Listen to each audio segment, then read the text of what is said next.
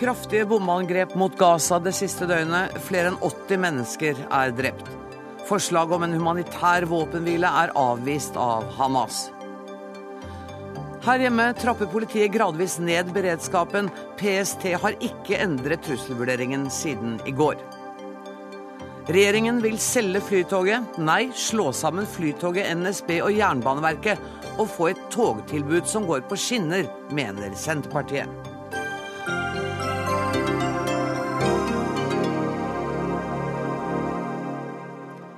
Dette er Dagsnytt 18 denne tirsdagen, der vi igjen starter med situasjonen i Gaza. For det har vært et nytt blodig døgn på Gazastripen. Det er 22 døgn siden bakkeinvasjonen startet og 1100 mennesker er drept, de fleste av dem sivile.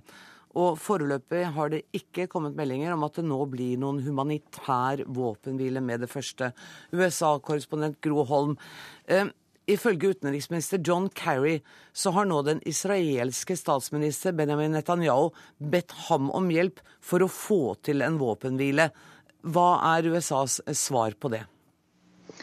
Eh, ja, det vet vi ikke ennå, men eh, Kerry vil vel neppe la være å forsøke. Eh, han har fått mye kritikk i det siste fordi han har forsøkt og forsøkt og ikke fått til noe.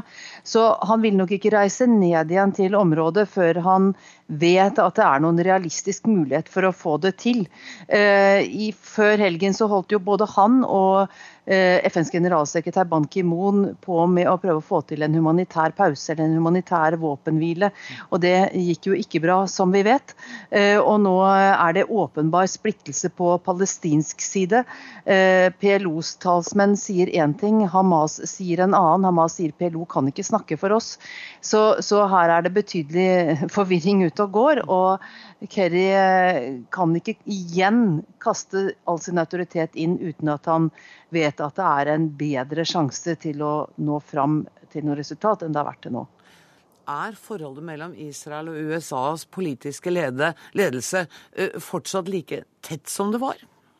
Nei, det er det jo ikke. Det er spent. og det er, eh, altså Kerry satt jo på for åpen mikrofon uten at han visste det sitt søndag, og sa at eh, jammen kaller jeg det presisjonsbombing eller presisjonsoperasjon. Litt ironisk over at Israel, israelerne sier at de driver presisjonsoperasjon angrep mot tunnelene.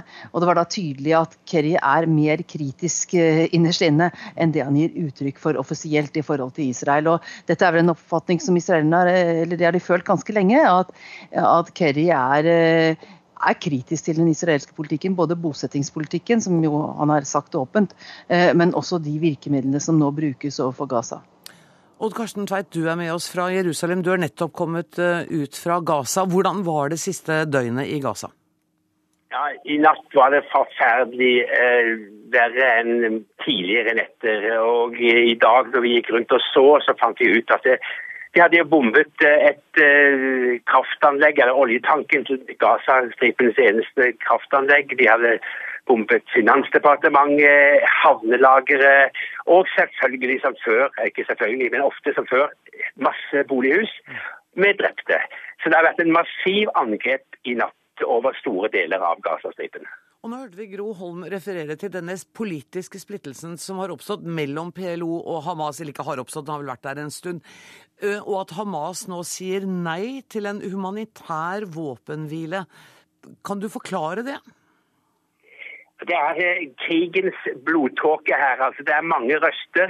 Eh, for litt siden så var det snakk om at eh, president Mahmoud Abbas, som da er leder av PLO, skulle reise til Egypt og ha Hamas og Islamsk jihad, som ikke er med i PLO, med seg i forhandlinger. Det har ikke skjedd ennå. Så åpenbart at PLO kjører sitt løp, og kanskje uten å ha konsultert med Hamas. Og da blir det slik. Samme måte var det tidligere, da Egypt la fram sammen med USA og Israel et eh, våpenhvileforslag uten å ha snakket med Hamas. Dette er en, en, et spill også bak kulissene som det er vanskelig for oss eh, utenfor å vite hva som skjer. Men Hamas har sagt Jeg snakket med en Hamas-leder i går. Han sa vi er innstilt på våpenhvile, vi er innstilt på humanitær våpenhvile, men vi må ha garanti for at blokaden blir opphevet. For tidligere kriger har vi gått inn i våpenhvile, og blokaden har ikke blitt opphevet. Så vi må få garantier for at noe mer enn bare å få lov å være med på en våpenhvile. Og slike garantier ser det vel ikke ut til kommer til å foreligge med det første? I alle fall så er det da ikke i Israels eh, kort nå akkurat nå. For nå er det også uenighet i den israelske regjeringen. For nå får statsminister Benjamin Netanyahu kritikk fra sin økonomiminister for at eh, Netanyahu har sagt at målet er bare å ta disse tunnelene og, få slutt på rakettene. Eh, de andre mer hardlinerne i regjeringen vil ha gå inn med og rett og slett forsøke å avvæpne Hamas.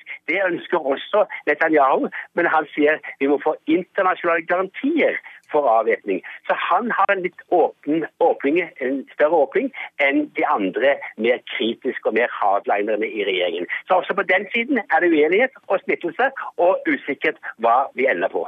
For Odd Karsten Tveit, Det er vel ikke noen tvil om at hvis Israel, Israel virkelig vil, så kan de avvæpne Hamas? Jeg mener de er militært suverent overlegne?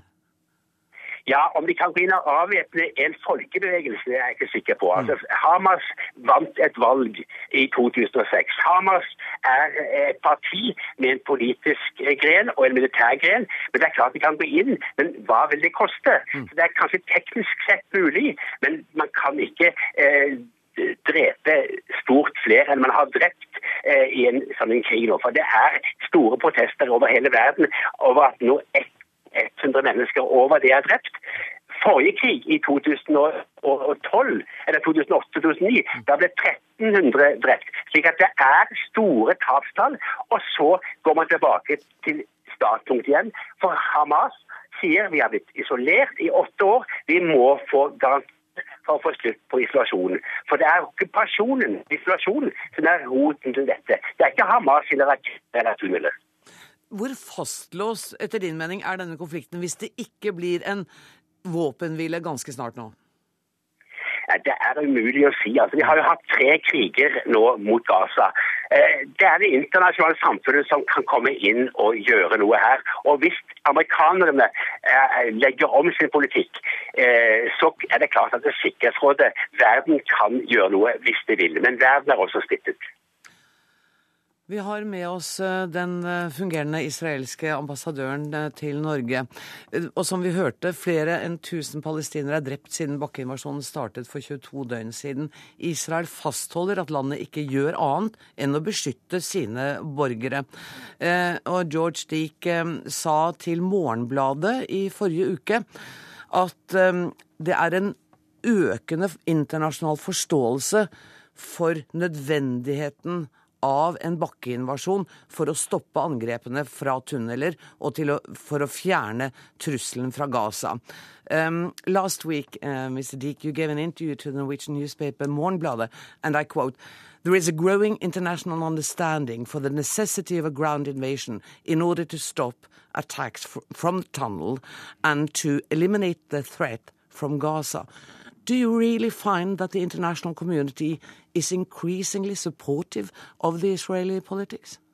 I think the European Union came out very clearly last week with a decision of the Foreign Ministers' Council saying that uh, in order for a, uh, any agreement to be reached, Hamas has to be disarmed from tunnels, from rockets, and otherwise the operation that we see now is aimed at restoring peace. We did not want to start the operation in uh, Gaza neither by air nor by ground.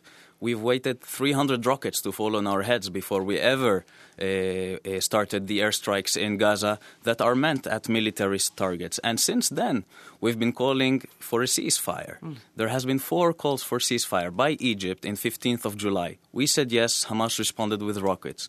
The UN came with another ceasefire at the 17th of July. We said yes. Hamas responded with, with rockets. We said yes to the Red Cross uh, offer for ceasefire, and Hamas answered with rockets again. And now we even see that when the Palestinian leadership in the West Bank, by President Abbas, the PLO is proposing a new ceasefire to Hamas, Hamas is rejecting it. We are all for a ceasefire. We never said no to one offer of ceasefire. This is interesting because today the Norwegian newspaper Dagbladet mm -hmm. published an article quoting um, Times of Israel, the Israeli newspaper, from June the 30th. And the title of that article was Hamas fires rockets for first time since 2012. Israeli officials say. And according to Dagbladet, there have been no rockets fired from, uh, uh, from Hamas against Israel between 21st of November 2012 till 29th of June 2014. Det jeg sier nå, er altså en, at Dagbladet i dag refererer en eh, artikkel fra mm, den israelske avisen Times of Israel, som sier at det ikke har vært fyrt raketter mot Israel i en periode fra 21.11.2012 til 29.6.2014. Is that not correct? It's absolutely not correct. We have incidences that were reported in the media as well of rockets being launched in 2012, in 2013, and since from Uh, uh, June 12 until July 8, when we started the operation, we counted 287 rockets, almost 300 rockets only during that time. I'm not even talking about the period before. But what we have seen that has happened in that time in Gaza from the ceasefire in 2012, maybe even before, until today, is that we have just discovered this vicious new threat of tunnels, that people are digging holes and when I say hole, I'm understating. It's a sophisticated tunnel used to uh, infiltrate Israel. Tunnels from a kitchen of a private house coming to Israeli uh, territory, to the Israeli cities, to Israeli kibbutzes, aimed at only one thing, and that's according to Hamas. And there could be no other use killing and kidnapping Israelis. We have estimated how much money has been invested in those tunnels. We have reached an estimate of the tunnels we only discovered. I'm not talking about the ones that are still not discovered. 1.25 billion US dollars. Imagine how many schools, how many community centers, how many shelters Hamas could have built for its community, for its citizens, using that money. Eh, Hans, eh, George Stick, som er en fungerende ambassadør, sier altså at, det, at man påstår at det ikke har blitt skutt raketter mot Israel. Det er reneste tøv. Det bygges også tunneler eh, hele tiden som Israel ikke har oversikt over. Tunneler som ikke har til annen hensikt enn å angripe Israel. Disse tunnelene koster mange millioner dollar, og de, de pengene kunne vært brukt til å bygge sykehus for palestinske borgere. Um, you claim that Israel provides warnings to the civilian population before they attack. Why then has there been numerous attacks on UN schools? This is a classic example. Uh, we had the UN about two weeks ago, or uh, last week, sorry, coming out condemning Hamas for storing rockets in two UN schools twice the General, uh, Secretary General of the UN, Mr. Ban Ki moon, came out publicly and strongly condemned Hamas for storing rockets underneath two UN schools. I didn't see that uh, extremely reported in the Norwegian media, and therefore you get the impression that Israel is attacking schools. Again, we see last night that uh, uh, the Al Shifa hospital and other uh, centers have been hit. Yeah. And uh, of course, immediately of course, immediately everyone assumed Israel attacked those places. But today we have evidence showing that Al Shifa hospital was uh, uh, was attacked by a Hamas rocket that fell. That the launching did not go well, and it fell on the school. Okay, the same goes with Al Shita. I yes, need to translate a little bit. Uh, han sier altså at uh, det har vært våpen lagret under disse FN-skolene. Eh, det er grunnen til at det har vært angrep mot dem. Han sier også at da Shifa-hospitalet i går ble truffet av en rakett, så var det en rakett fra Hamas. Eh, George Deek, surely you must be aware that there is a growing sense in Norway that Israel is, to put it vaguely, um, overreacting. And there is strong criticism coming through now that Israel should listen and try to go to negotiations instead of continuing killing civilians. What is your comment on that? Jeg, jeg sa til ham nå at det er økende kritikk av den israelske krigføringen i Norge, og at mange nå oppfordrer Israel til å sette seg ned ved forhandlingsbordet. We did not want this situation. This escalation has been forced upon us. We have waited three weeks before we actually engaged in the operation. And now that we are saying yes to every ceasefire, we don't want to continue this operation. We just want to remove the threat of tunnels. We want to remove the threat of rockets. It can't be that our citizens are threatened above ground with rockets and below ground with tunnels. And Israel, as a sovereign country that has a responsibility to its civilians, will not react. Now, I understand the pain when people see the numbers and the horrific pictures coming out of Gaza. No decent person can stay indifferent in light of these kind of pictures and images. But unfortunately, this has been the result. Just like I said, Hamas stored rockets in uh, schools, it has also been using the Palestinians as human shields. It has been using children to uh, to run from one place to another and ambulances to get transport from one place to another, launching rockets from civilian population. Now, everyone is talking about how can we stop this. It's very simple. We have to look at this short term and long term. Okay, Can I translate yes, a little bit? Go ahead. Uh, fordi han sier altså at det er Hamas som bruker sivile uh, også barn, som menneskelige skjold mot raketter. Og de bruker barn til å løpe ut i gatene når de vet at det kommer eh, raketter. Og han, og han er i ferd med å si nå at vi må ha to mål, et kortsiktig og et langsiktig. Yes. Please. And uh, I think on the short term, I join the efforts of Secretary of State Kerry, of Egypt, of the Arab League, of the European leaders that are trying to promote a ceasefire. We have said yes to every offer of ceasefire. Hamas has constant, uh, consistently said no. We har alltid sagt ja til uh, våpenhvile, sier han. Hamas sier nei. I'm sorry, we have to be Yes, of course. Um, uh, that's the first thing to reach a situation where Israel uh, removes the threat of rockets and tunnels and therefore stop the hostility. Mm. That's on the short term. On the long term, everyone is talking about the situation in Gaza, that there is a blockade, that uh, the crossings are closed, and it's all true. The situation in Gaza is not good. That's no secret, and nobody would deny it. But the reason for the blockade to have been implemented and for the crossings to have been crossed is the fact that Hamas took over and started launching rockets. The blockade wasn't there when Hamas took over and started launching rockets. It came only after the attacks on Israel started.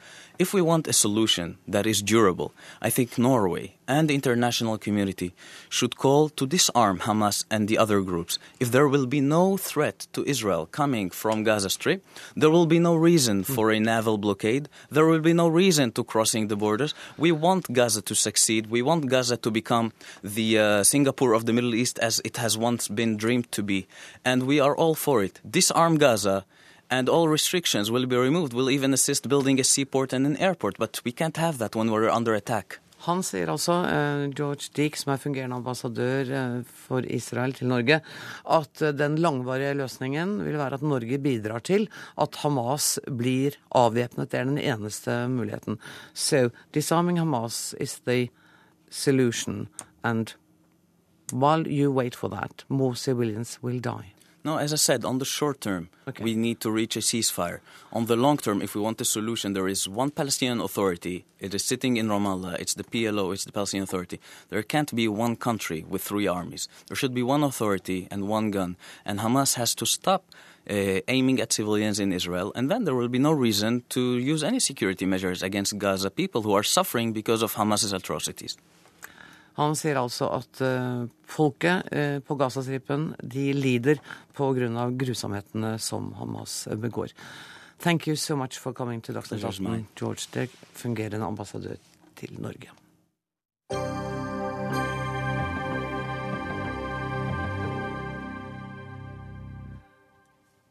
Israelske varer fra okkuperte områder bør merkes, og myndighetene bør fraråde norske selskaper å handle med varer produsert på okkupert territorium. Det mener leder av Stortingets utenrikskomité, Anniken Huitfeldt. Ehm, hvorfor bør israelske varer merkes? Fordi vi bør gjøre i denne konflikten som i andre konflikter hvor det er brudd på folkeretten at Norge bør fraråde kjøp, og så bør vi samarbeide med de EU-landene som vil gjennomføre en slik merkeordning, slik at forbrukerne kan ta et valg. Og Det er fordi at vi er for å handle med Israel. Der er det nok uenighet i norsk politikk, men Arbeiderpartiet støtter det. Vi støtter akademisk samarbeid med Israel. Mm. Men det å tjene penger på okkupert land, det er folkerettsstridig. Nå melder altså Reuters at alle parter er enige om våpenhvile på Gaza, så vi får håpe at det nå er en løsning. Ok, Det er da tydeligvis en eh, melding som jeg ikke har fått med meg, men det var jo i hvert fall bitte litt grann gledelig, da, midt i alt det som skjer. Ja. Takk for at du oppdaterer programleder på denne måten. Du, Dere har fått kritikk for ikke å ha gått inn i denne problemstillingen tidligere, da dere selv satt i regjering. Hvorfor kommer du nå? Fordi at vi har jo vært eh, avventende med tanke på å gjennomføre den type tiltak, fordi det pågikk forhandlinger og en forhandlingssituasjon hvor Norge spiller en spesiell rolle, hvor den amerikanske utenriksministeren spilte en rolle for å få til en fredsavtale eh, og en tostatsløsning, så var vi varsomme. Men etter at disse fredsforhandlingene brøt sammen, og den israelske presidenten kom til Norge, så var jo regjeringens eneste svar, eller eneste signal, var økt handel, uten å presisere at dette skulle være handel med områder som eh, er i henhold til folkeretten. slik at jeg mener at det var helt feil signal på daværende tidspunkt. fordi at når det ikke er noen kortsiktig eh, tostatsløsning i sikte, så må vi behandle denne konflikten som alle andre. At det å tjene penger på okkupert land, det er feil, enten det er i Vest-Sahara eller det er i Palestina. Kristian Norheim, Frp, nestleder i utenrikskomiteen. Det er feil å tjene penger på dette, sier Annike Huitfeldt.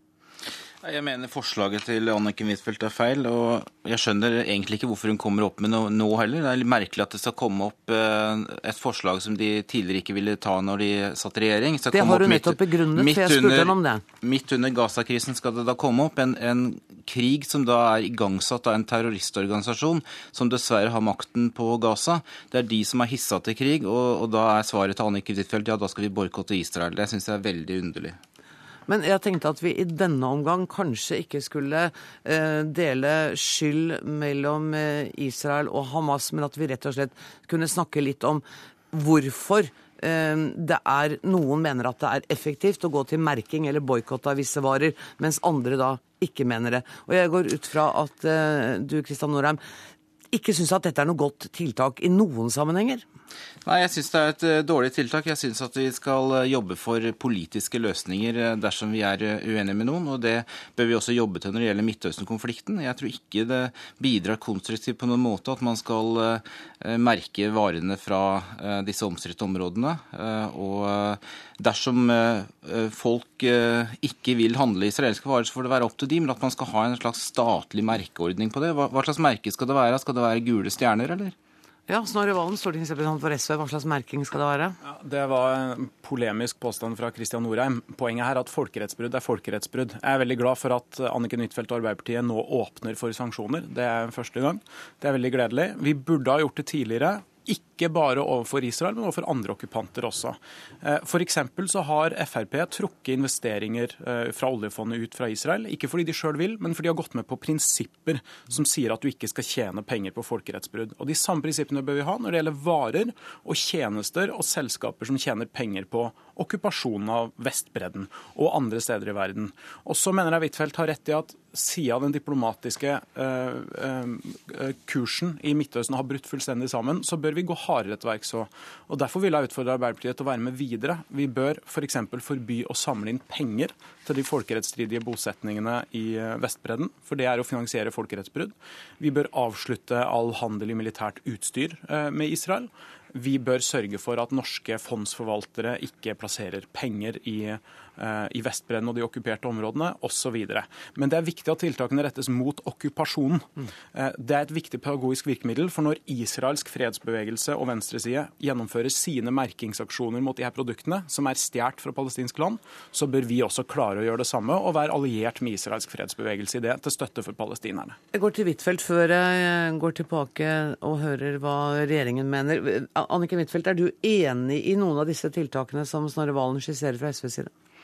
Ikke alt. Eh, jeg mener at han har en god del forslag som handler om å boikotte Israel som stat, og det er jeg uenig i. fordi jeg mener at man skal rette seg mot det som handler om okkupasjon. Og jeg syns det også går ganske langt å, å forby pengeinnsamling. Én ting er å si nei til at man skal få skattefritak for den type ordninger og gaveforsterkningsordninger, og da indirekte bruke statlige penger, men å forby pengeinnsamlinger, det syns jeg er eh, å gå relativt langt. Og jeg er for at vi skal fraråde å investere på okkupert områder. Men jeg syns en del av de forslagene retter seg inn sånn generell boikott, og det er jeg ikke tilhenger av. Men det gjør det jo ikke, Anniken Huitfeldt. For det første bør det være en selvfølge at vi ikke handler i militært utstyr med et land som er i krig, og endog i en folkerettsstridig okkupasjon. Når det gjelder pengeinnsamling, så mener jeg at Israel-venner i Norge kan samle inn penger til hva de vil i Israel, men de bør ikke få samle inn penger til folkerettsstridig aktivitet. Altså være med å finansiere en internasjonal forbrytelse. Det synes jeg ikke er et særlig radikalt forslag. Og jeg tror og håper også at Arbeiderpartiet etter etter hvert, også vil støtte dette forslaget. Nå høres det ut som hovedskillelinjene går mellom Anniken Huitfeldt og Snorre Valen, mens egentlig Kristian Norheim eh, i Fremskrittspartiet, så er det jo dere som da sier at vi vil ikke noen ting av dette. Det skal være opp til det enkelte mennesket å bestemme om de vil kjøpe israelske varer eller ikke. Så folkerettsbrudd er ikke noen grunn til aksjon, mener du? Altså, Mer enn halvparten av verdens land er enten karakterisert som ufrie eller eh, delvis frie. Altså, Det fins mer enn 100 land i verden som har et problematisk forhold til menneskerettighetene. Og så skal man velge seg ut Israel, som er det eneste demokratiet i Midtøsten. Jeg syns det er merkelig at man tar den kampen der. Og så tror jeg heller ikke, jeg skjønner egentlig ikke hva man tror man skal kunne oppnå ved dette her, ved en merking. Og er det, er det gule stjerner man skal klistre på disse varene, eller hva er det?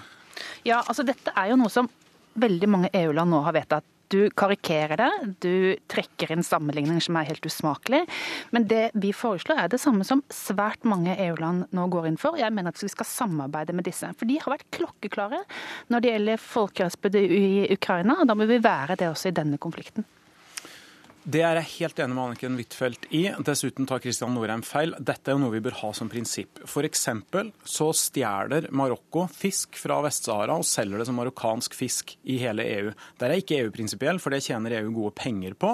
Eh, men der bør vi være prinsipielle og konsekvente. Vi bør ikke være med å finansiere okkupasjon uansett hvor det er i verden. Og da er det jo heller sånn at den som er inkonsekvent i denne debatten, er Kristian Norheim, som sikkert deler vårt engasjement for Vest-Sahara, som også norsk høyreside, bl.a. Unge Høyre, har et veldig godt engasjement engasjement på, men som ikke vil la de samme prinsippene gjelde for Israel. Og jeg forventer mer av det utvikla demokratiet Israel enn jeg forventer av autoritære okkupantstater. Det burde også Israel-venner i Frp gjøre. Men tror dere at løsningen på konflikten i Midtøsten ligger på da boikotten den ene parten, mens man da leder giverlandsgruppa til den andre parten? Ja, er det det som vil føre løsningen eh, framover? Ja. Eller er det faktisk det at det faktisk er én part her som har hissa til krig nå på Gaza, og som også møter motstand da eh, hos eh, selvstyremyndighetene i Ramallah. Kristian Norheim, du er mer ytterliggående i denne konflikten enn de aller fleste regjeringspartier i Europa. Mm.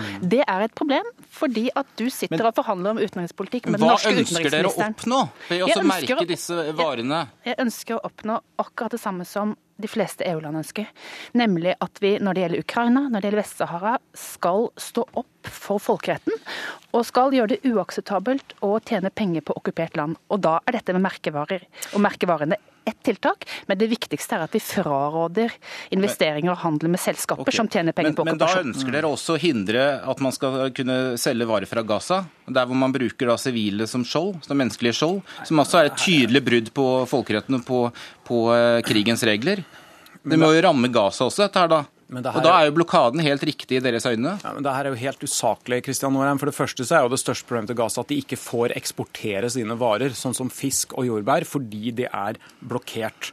Andre... Du, vet, du, kjenner årsaken til blokaden, gjør du ikke det? For det andre så er det sånn at Israel har okkupert et annet land i snart 40 år. Det er FN enig om. Det er også Utenriksdepartementet i Norge enige om. Det må vi motvirke. Og når Israel ikke vil forhandle, når de ikke vil forholde seg til den palestinske samlingsregjeringa, men går i krig i stedet, så mener jeg det er et riktig tiltak å sørge for at mer av okkupasjonens regning havner på israelske hender, og at ikke selskaper fra andre steder i verden også, som f.eks. i Norge, skal tjene penger på at palestinerne er okkupert. Det er altså ikke årsaken til at eh, krigen oppsto nå, var at Israel ikke ville anerkjenne samlingsregjeringen. Det var fordi at eh, Hamas skjøt raketter daglig, og så måtte Israel svare. Du vet det, Snorre Valen?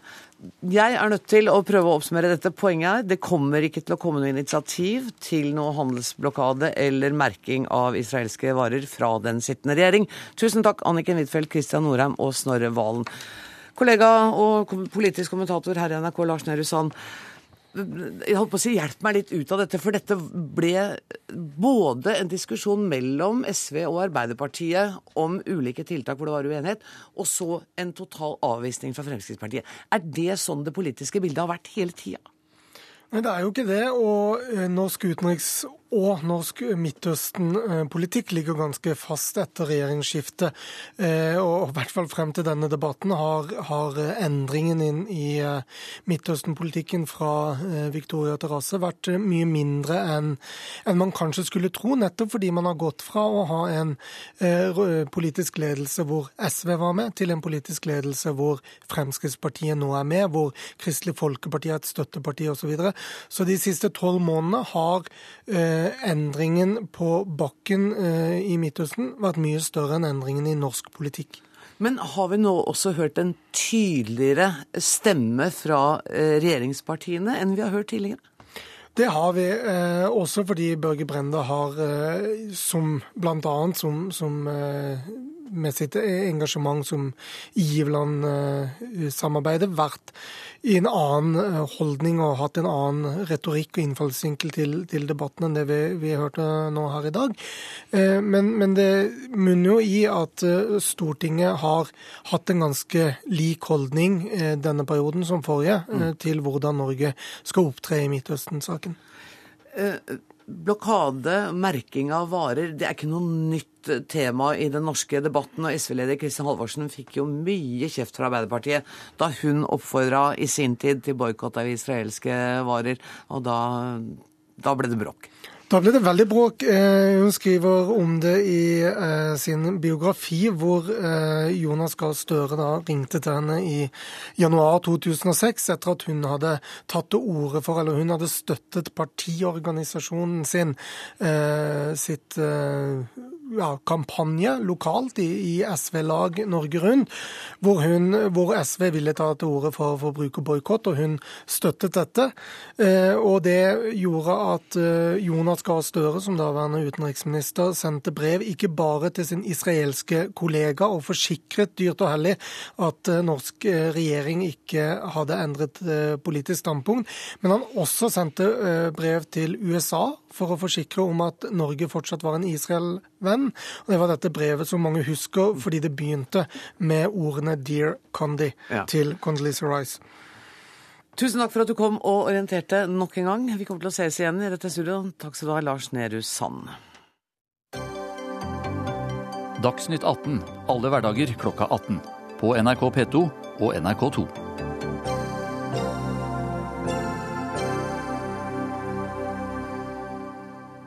Det er ingen forandring i trusselvurderingen fra PST fra i går til i dag. Politiet varslet i går at deler av beredskapen gradvis trappes ned, og fra i dag er det kanskje mindre væpnet politi å se i gatene. I går ble det sagt at den forsterkede grensekontrollen blir opprettholdt inntil videre. Kåre Sogstad, beredskapssjef for Politidirektoratet. Hvor lenge ser du for deg at denne grensekontrollen skal vare? Eh, disse tiltakene som vi har eh, satt i, i verk nå i, i, eh, landet som helhet, vil vare så lenge vi ikke får eh, endrete forutsetninger presentert for oss fra PST sin side. Vi bygger hele tiden opp dette her på basis av disse trusselvurderingene som, som kommer fra PST sin side. Og inntil videre så blir de tiltakene som du skisserer, opprettholdt. Men vi håper jo at uh, med den ressurs som eh, Etterretningstjenesten og PST nå har satt inn på denne saken, at vi uh, så snart som mulig får en avklaring på dette, slik at vi om mulig kan ta ned enda flere tiltak og nærme oss en mer normal situasjon. Hva, hva betyr på politispråk så snart som mulig? Vanskelig å si. Vi har vært i en spesiell situasjon i, i, noen dager med det som er beskrevet som en forhøyet terrortrussel. Eh, så har vi fått vite at den er tatt litt ned. Det er en redusert fare for noe eh, i tiden fremover. Men samtidig så sies det at situasjonen er uavklart. Jeg kan ikke komme nærmere en tidsangivelse der enn en nærmest å angi et håp om at vi fortest mulig kommer tilbake til normalen. Mm. Faren er redusert, men da jeg snakket med PST tidligere i dag, så, og det bekreftet de, sa de den er redusert i og for seg, men aktivitetsnivået fra PSTs side er ikke redusert. Og slik jeg forstår det, så er aktivitetsnivået fra politiets side heller ikke redusert, selv om dere skifter litt eh, fokus og prioritering? Nei, PST særlig har store ressurser på dette for å få avklart dette. Vi er helt avhengig av at de kommer videre med, med sitt eh, bilde av uh, situasjonen. Våre vurderinger henger tett sammen med det de kommer frem til. Så lenge de har satt det nivået som de har gjort eh, per i dag, så vil våre tiltak henge naturlig sammen med det. Kommer det en endring ned fra PST, vil vi også eh, se på om vi bør justere tiltakene våre ytterligere. Det var i går snakk om at uh, den bevæpningen av politifolk i gatene skulle trappes ned. Er det gjort i dag, eller blir det gjort? Det som først og fremst har skjedd uh, fra i dag av, er at vi tar ned uh, den store satsingen på operativ tilstedeværelse som har vært i, landet. Vi fokuserer ressursene litt annerledes, og folk vil se litt mindre og en litt mer normal bemanning i gatene i tiden fremover. Men vi har besluttet at de som går operativ tjeneste, fortsatt skal være permanent bevæpnet. Det at det ikke er noen endring i trusselbildet, kan vi tolke det som et slags godt nytt, tross alt? Ja, vi gjør det. Vi, vi, gjør det. Og eh, den tiden som går nå eh, med et uendret eller gradvis forbedret trusselbilde, forteller oss at dette går i rett retning. Det er vi veldig glad for. Men vi er ser veldig frem til den daglige forsendelsen fra PST med, med, med dagens tekst, så å si. For dette er en situasjon vi alle bør bringe tilbake til normalen fortest mulig. Mm. Men vi kan senke skuldrene mens dere fortsatt har god beredskap. Tusen takk for at du kom til Dagsnytt 18, Kåre Songstad, beredskapssjef ved Politidirektoratet.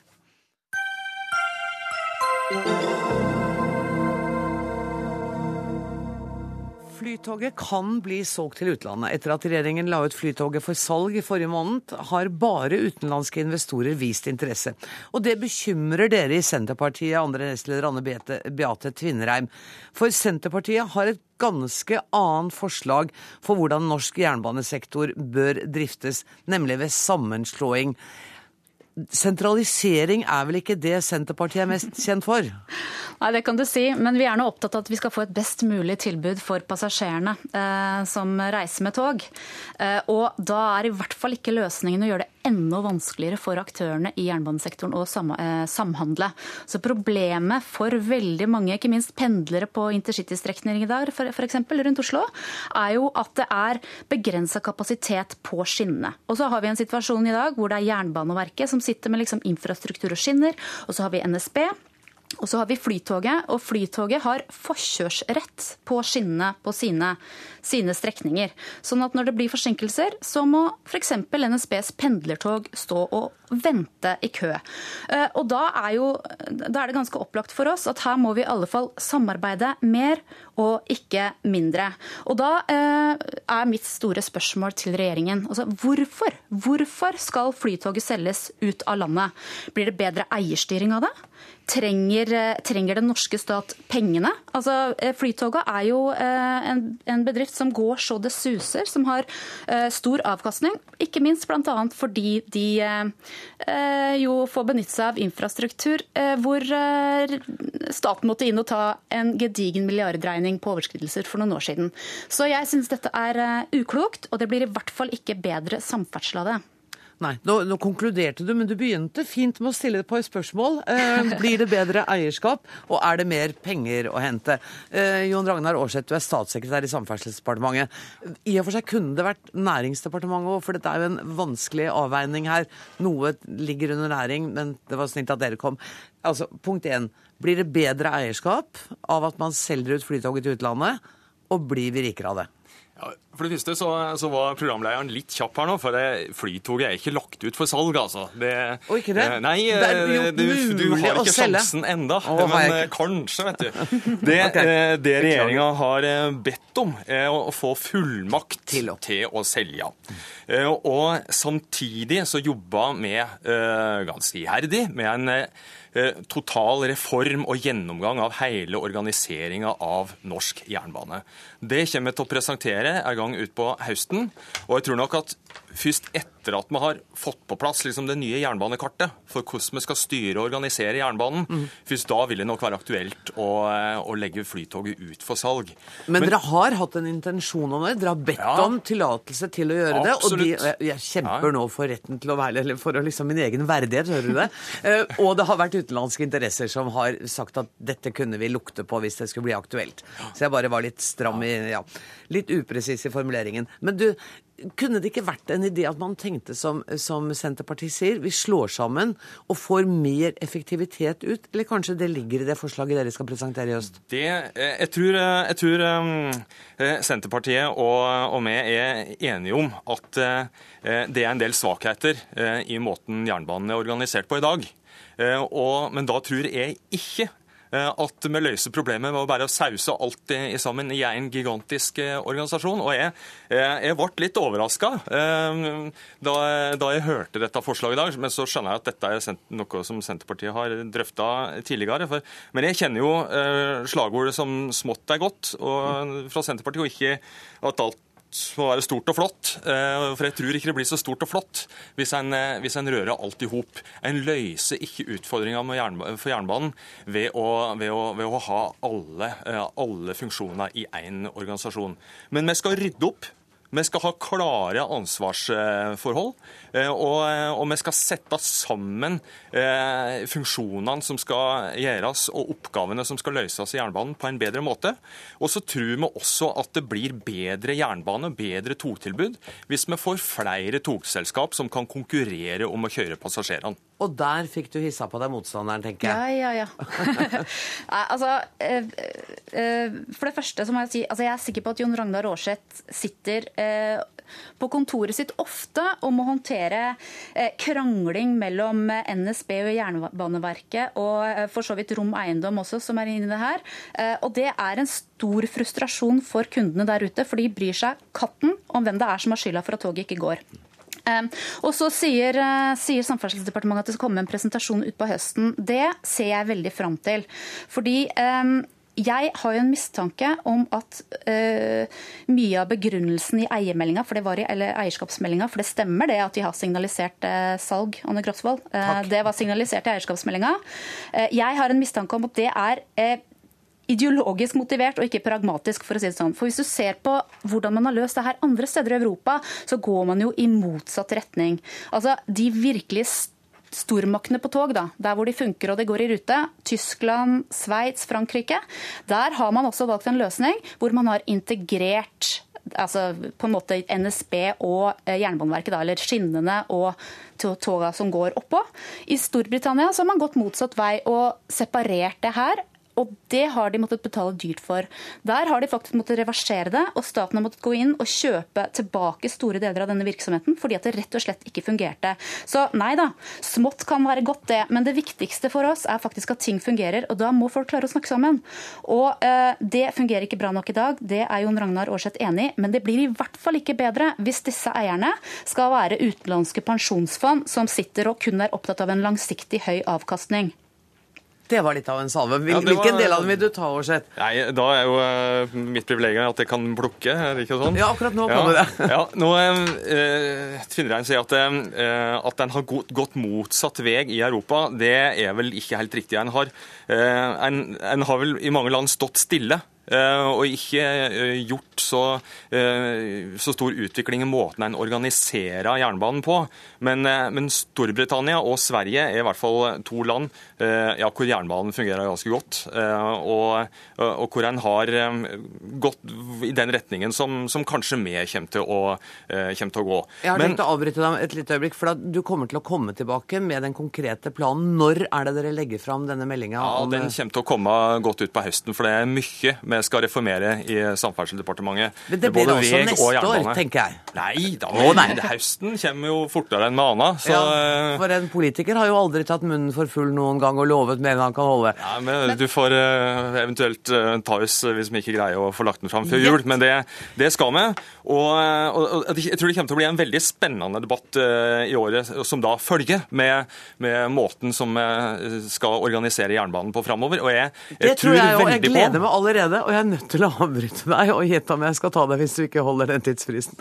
Tusen takk for at dere deltok, Anne Beate Tvinnereim og Jon Ragnar Aarseth. Hør Dagsnytt 18 når du vil. Radio NRK.no.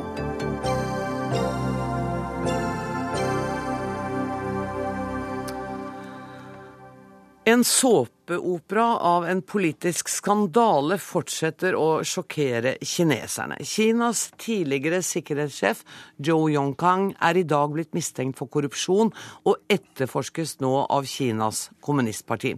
Og dette er den største korrupsjonsskandalen de siste tiårene. Det sier du, Kristoffer Rønneberg, utenrikskorrespondent i Aftenposten.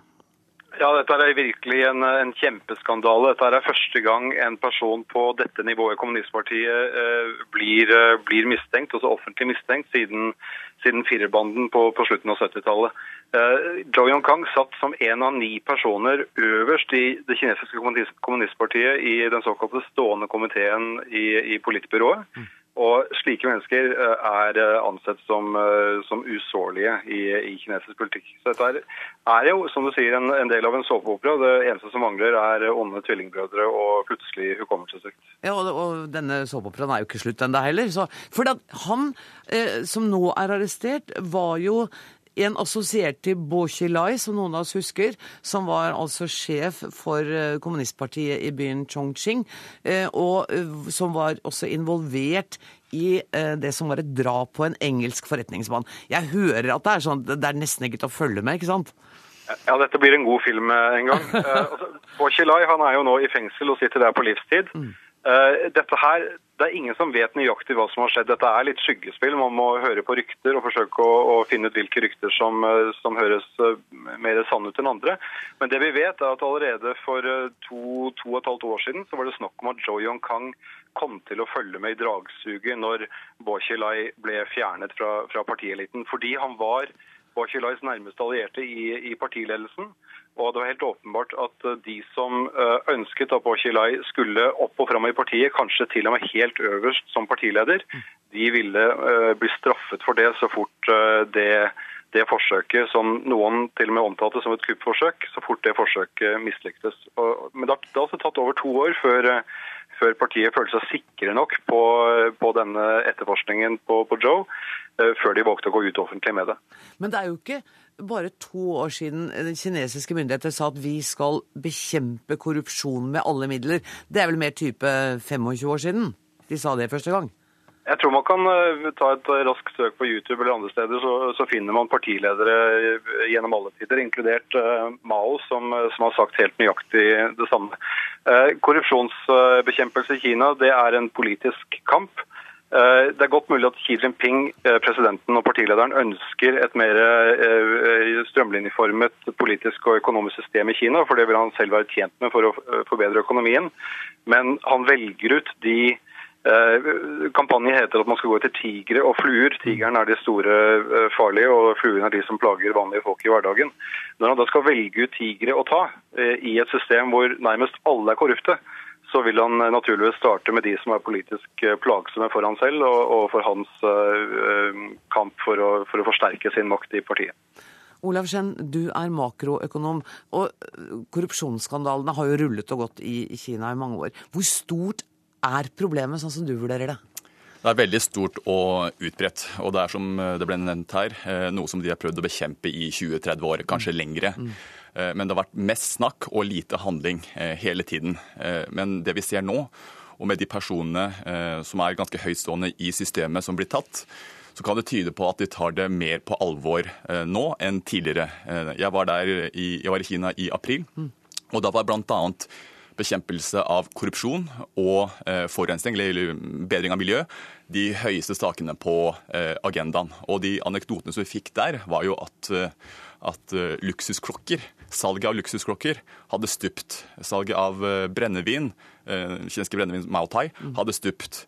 Besøk på luksusrestauranter hadde stupt. Og alt tyder jo på at det her er varer eller midler som ble, ble brukt i utstrakt korrupsjon. Slik at det er helt klare tegn på at de har gjort kraftig, kraftige tiltak for å bekjempe korrupsjonsproblemet i Kina.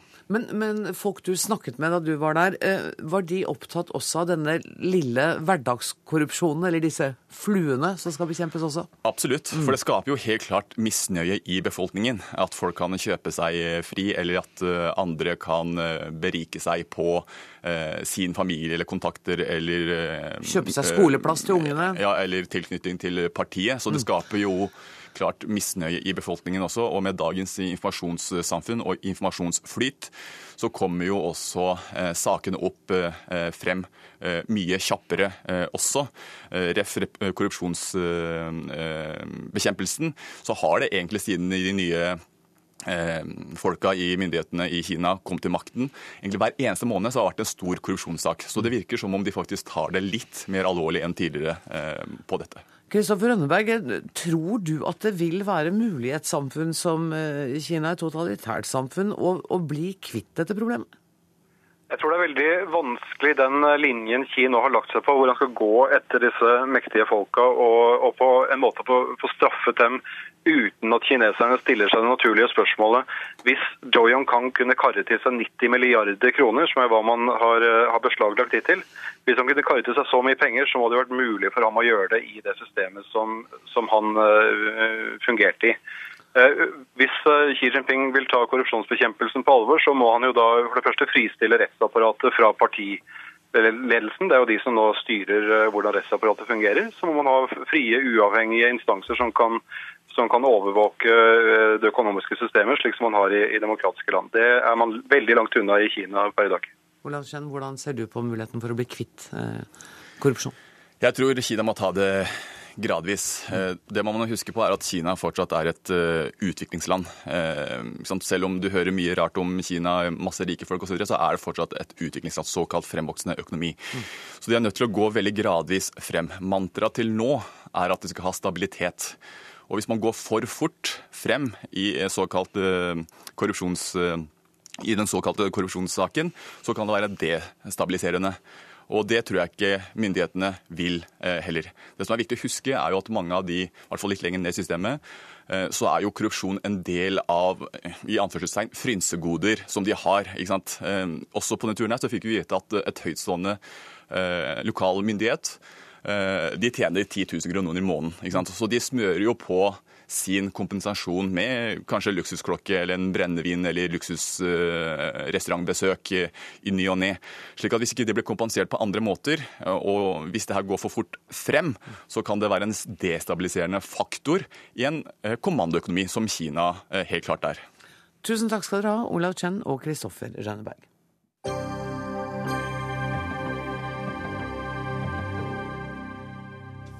Nordmenn knipser selfies med afrikanske barn. Som om det, de skulle være på safari. Afrikaselfiene, som de kalles, eh, tar på kornet hvordan norske frivillighetsarbeidere forsyner seg i utlandet. Det sier du til avisa Vårt Land i dag, Kåre Eriksen. Du er kommunikasjonsrådgiver i bistandsorganisasjonen Digni. Eh, la oss først få forklart, hva er en afrikaselfie? I denne sammenhengen her så tenker jeg på en Afrika-selfie som et bilde noen får tatt, gjerne ungdom eller ung voksen som er ute og reiser. Eh, som i den mest arketypiske tilstand er, er da bilde av seg sjøl om, omringa av en skokk afrikanske søte barn. Eh, med seg sjøl i, i, en slags hovedrolle. Og hvem, altså, Jeg sa jo nettopp at det er altså frivillighetsarbeidere som du eh, mener tar disse bildene. Hvorfor er det så gærent at de gjør det? Eh, altså Jeg sier ikke bare at frivillighetsarbeidere gjør det, men, men de, er, de, er, en del av pakka. Eh, Det handler om to ting, eh, slik jeg ser det først og fremst. Det ene er, handler rett og slett om folkeskikk og fotoetikk. Man tar for seg å knipse bilder når man kommer til en slik kontekst, på en måte som man aldri ville funnet på å gjort hvis man var i, i en hjemlig kontekst. Eh, man spør ikke om etter navn, man spør ikke etter tillatelse fra foreldre. Eh, og her, her syndes det stort. og jeg tror det er viktig å påpeke der at det er ikke bare amatørene eller de som er på korttidsopphold som, som synder her, det er det òg profesjonelle organisasjoner som gjør. Eh, og, og, og at, at, det finnes mange i min egen bransje som har vært dårlige forbilder, det tror jeg ikke vi skal stikke under en stol. Men er det skadelig? Eh, ikke skadelig i seg sjøl, men det handler litt om, om, om rollen. Eh, hvilken rolle man inntar. Eh, jeg syns det er et problem at man eh, plasserer seg sjøl som, eh, som, en hovedfigur og et handlende subjekt inn i en sånn setting, og gjør seg sjøl nærmest eh, til en sånn barmhjertig samaritan. Eh, noe man jo ofte ikke er, eller som regel ser man der bare rent flyktig eller har ikke den type relasjoner.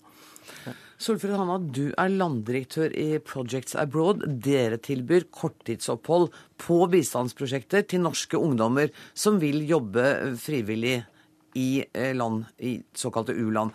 Du må jo ha sett mange av disse selfiesene? Ja, jeg ser mange bilder. Ja. Ikke nødvendigvis uh, selfies. Um, for våre fri, vår frivillige tar jo mange bilder, selvfølgelig. Mm. De er ute ikke bare korte prosjekter, de er ute én måned, seks måneder, uh, kortere og lengre perioder. Um, jeg syns vel ikke at det er et så stort problem. Men vi har retningslinjer i forhold til dette her i vår organisasjon hvor uh, vi sier fra til de frivillige at de må spørre om lov uh, på prosjektene de jobber. Spørre lederne der, spørre foreldre. Um, og så er det jo ikke sånn at disse bildene er av barn, fremmede barn på gata. Det er jo barn som våre frivillige får en relasjon til, minner de har lyst til å ta med seg hjem. Um, men vi har altså retningslinjer. Man skal ha folkeskikk i forhold til dette her. Det er jeg helt enig i. Men det tror jeg våre frivillige har. Men, men Eriksen, din kritikk over ikke bare på det at man tar bilder av ungene, men også litt på hele den holdningen vi hvite kommer til Afri mange afrikanske land med? Jo, det er riktig. Eh, og jeg tror en skal være klar over her at man går inn i en eh, ja, århundrelang tradisjon eh, der, der hvite, meg sjøl inkludert, har kommet til Afrika og kunne ta seg til rette og bli behandla som konger.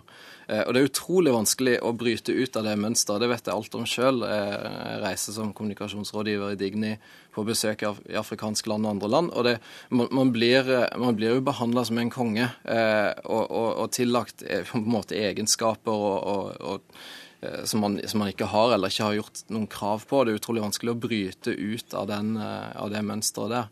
Eh, men, men, det jeg vil si som er det viktigste poenget vårt, eller viktigste kritikken her, det, det er at det, der, det, forekommer en dreining. Du kan si det er hele bistandsbransjen, eller iallfall den bistandsbransjen som jeg jobber med, eh, prøver å fri seg fra eh, det bildet der man sjøl er det handlende subjektet, reiser, skal fikse ting. Mm. At man prøver å overlate det til frivillige og prøver å bygge et lokalt eierskap.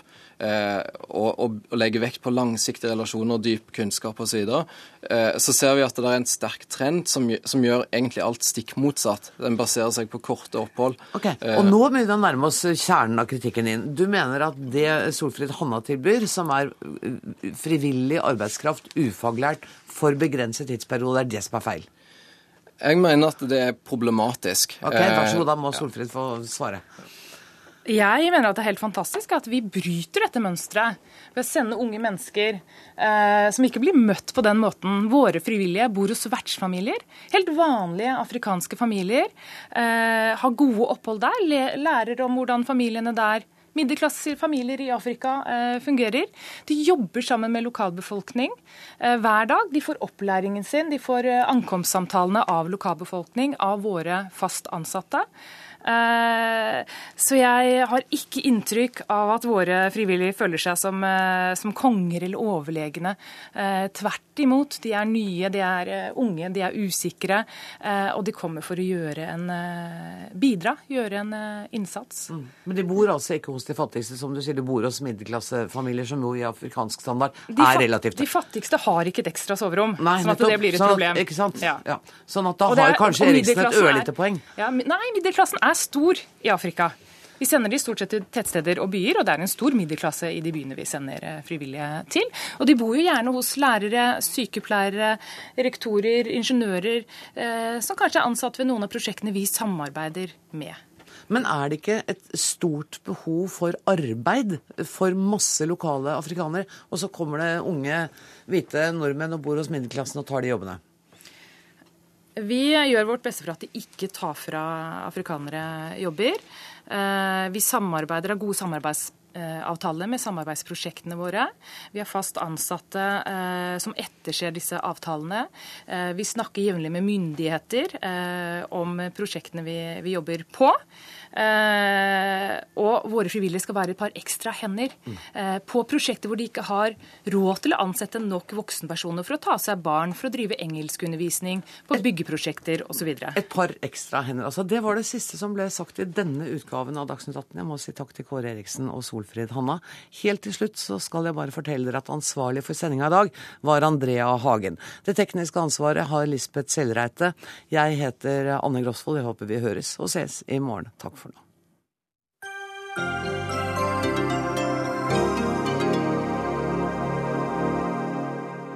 Hør flere podkaster på nrk.no podkast.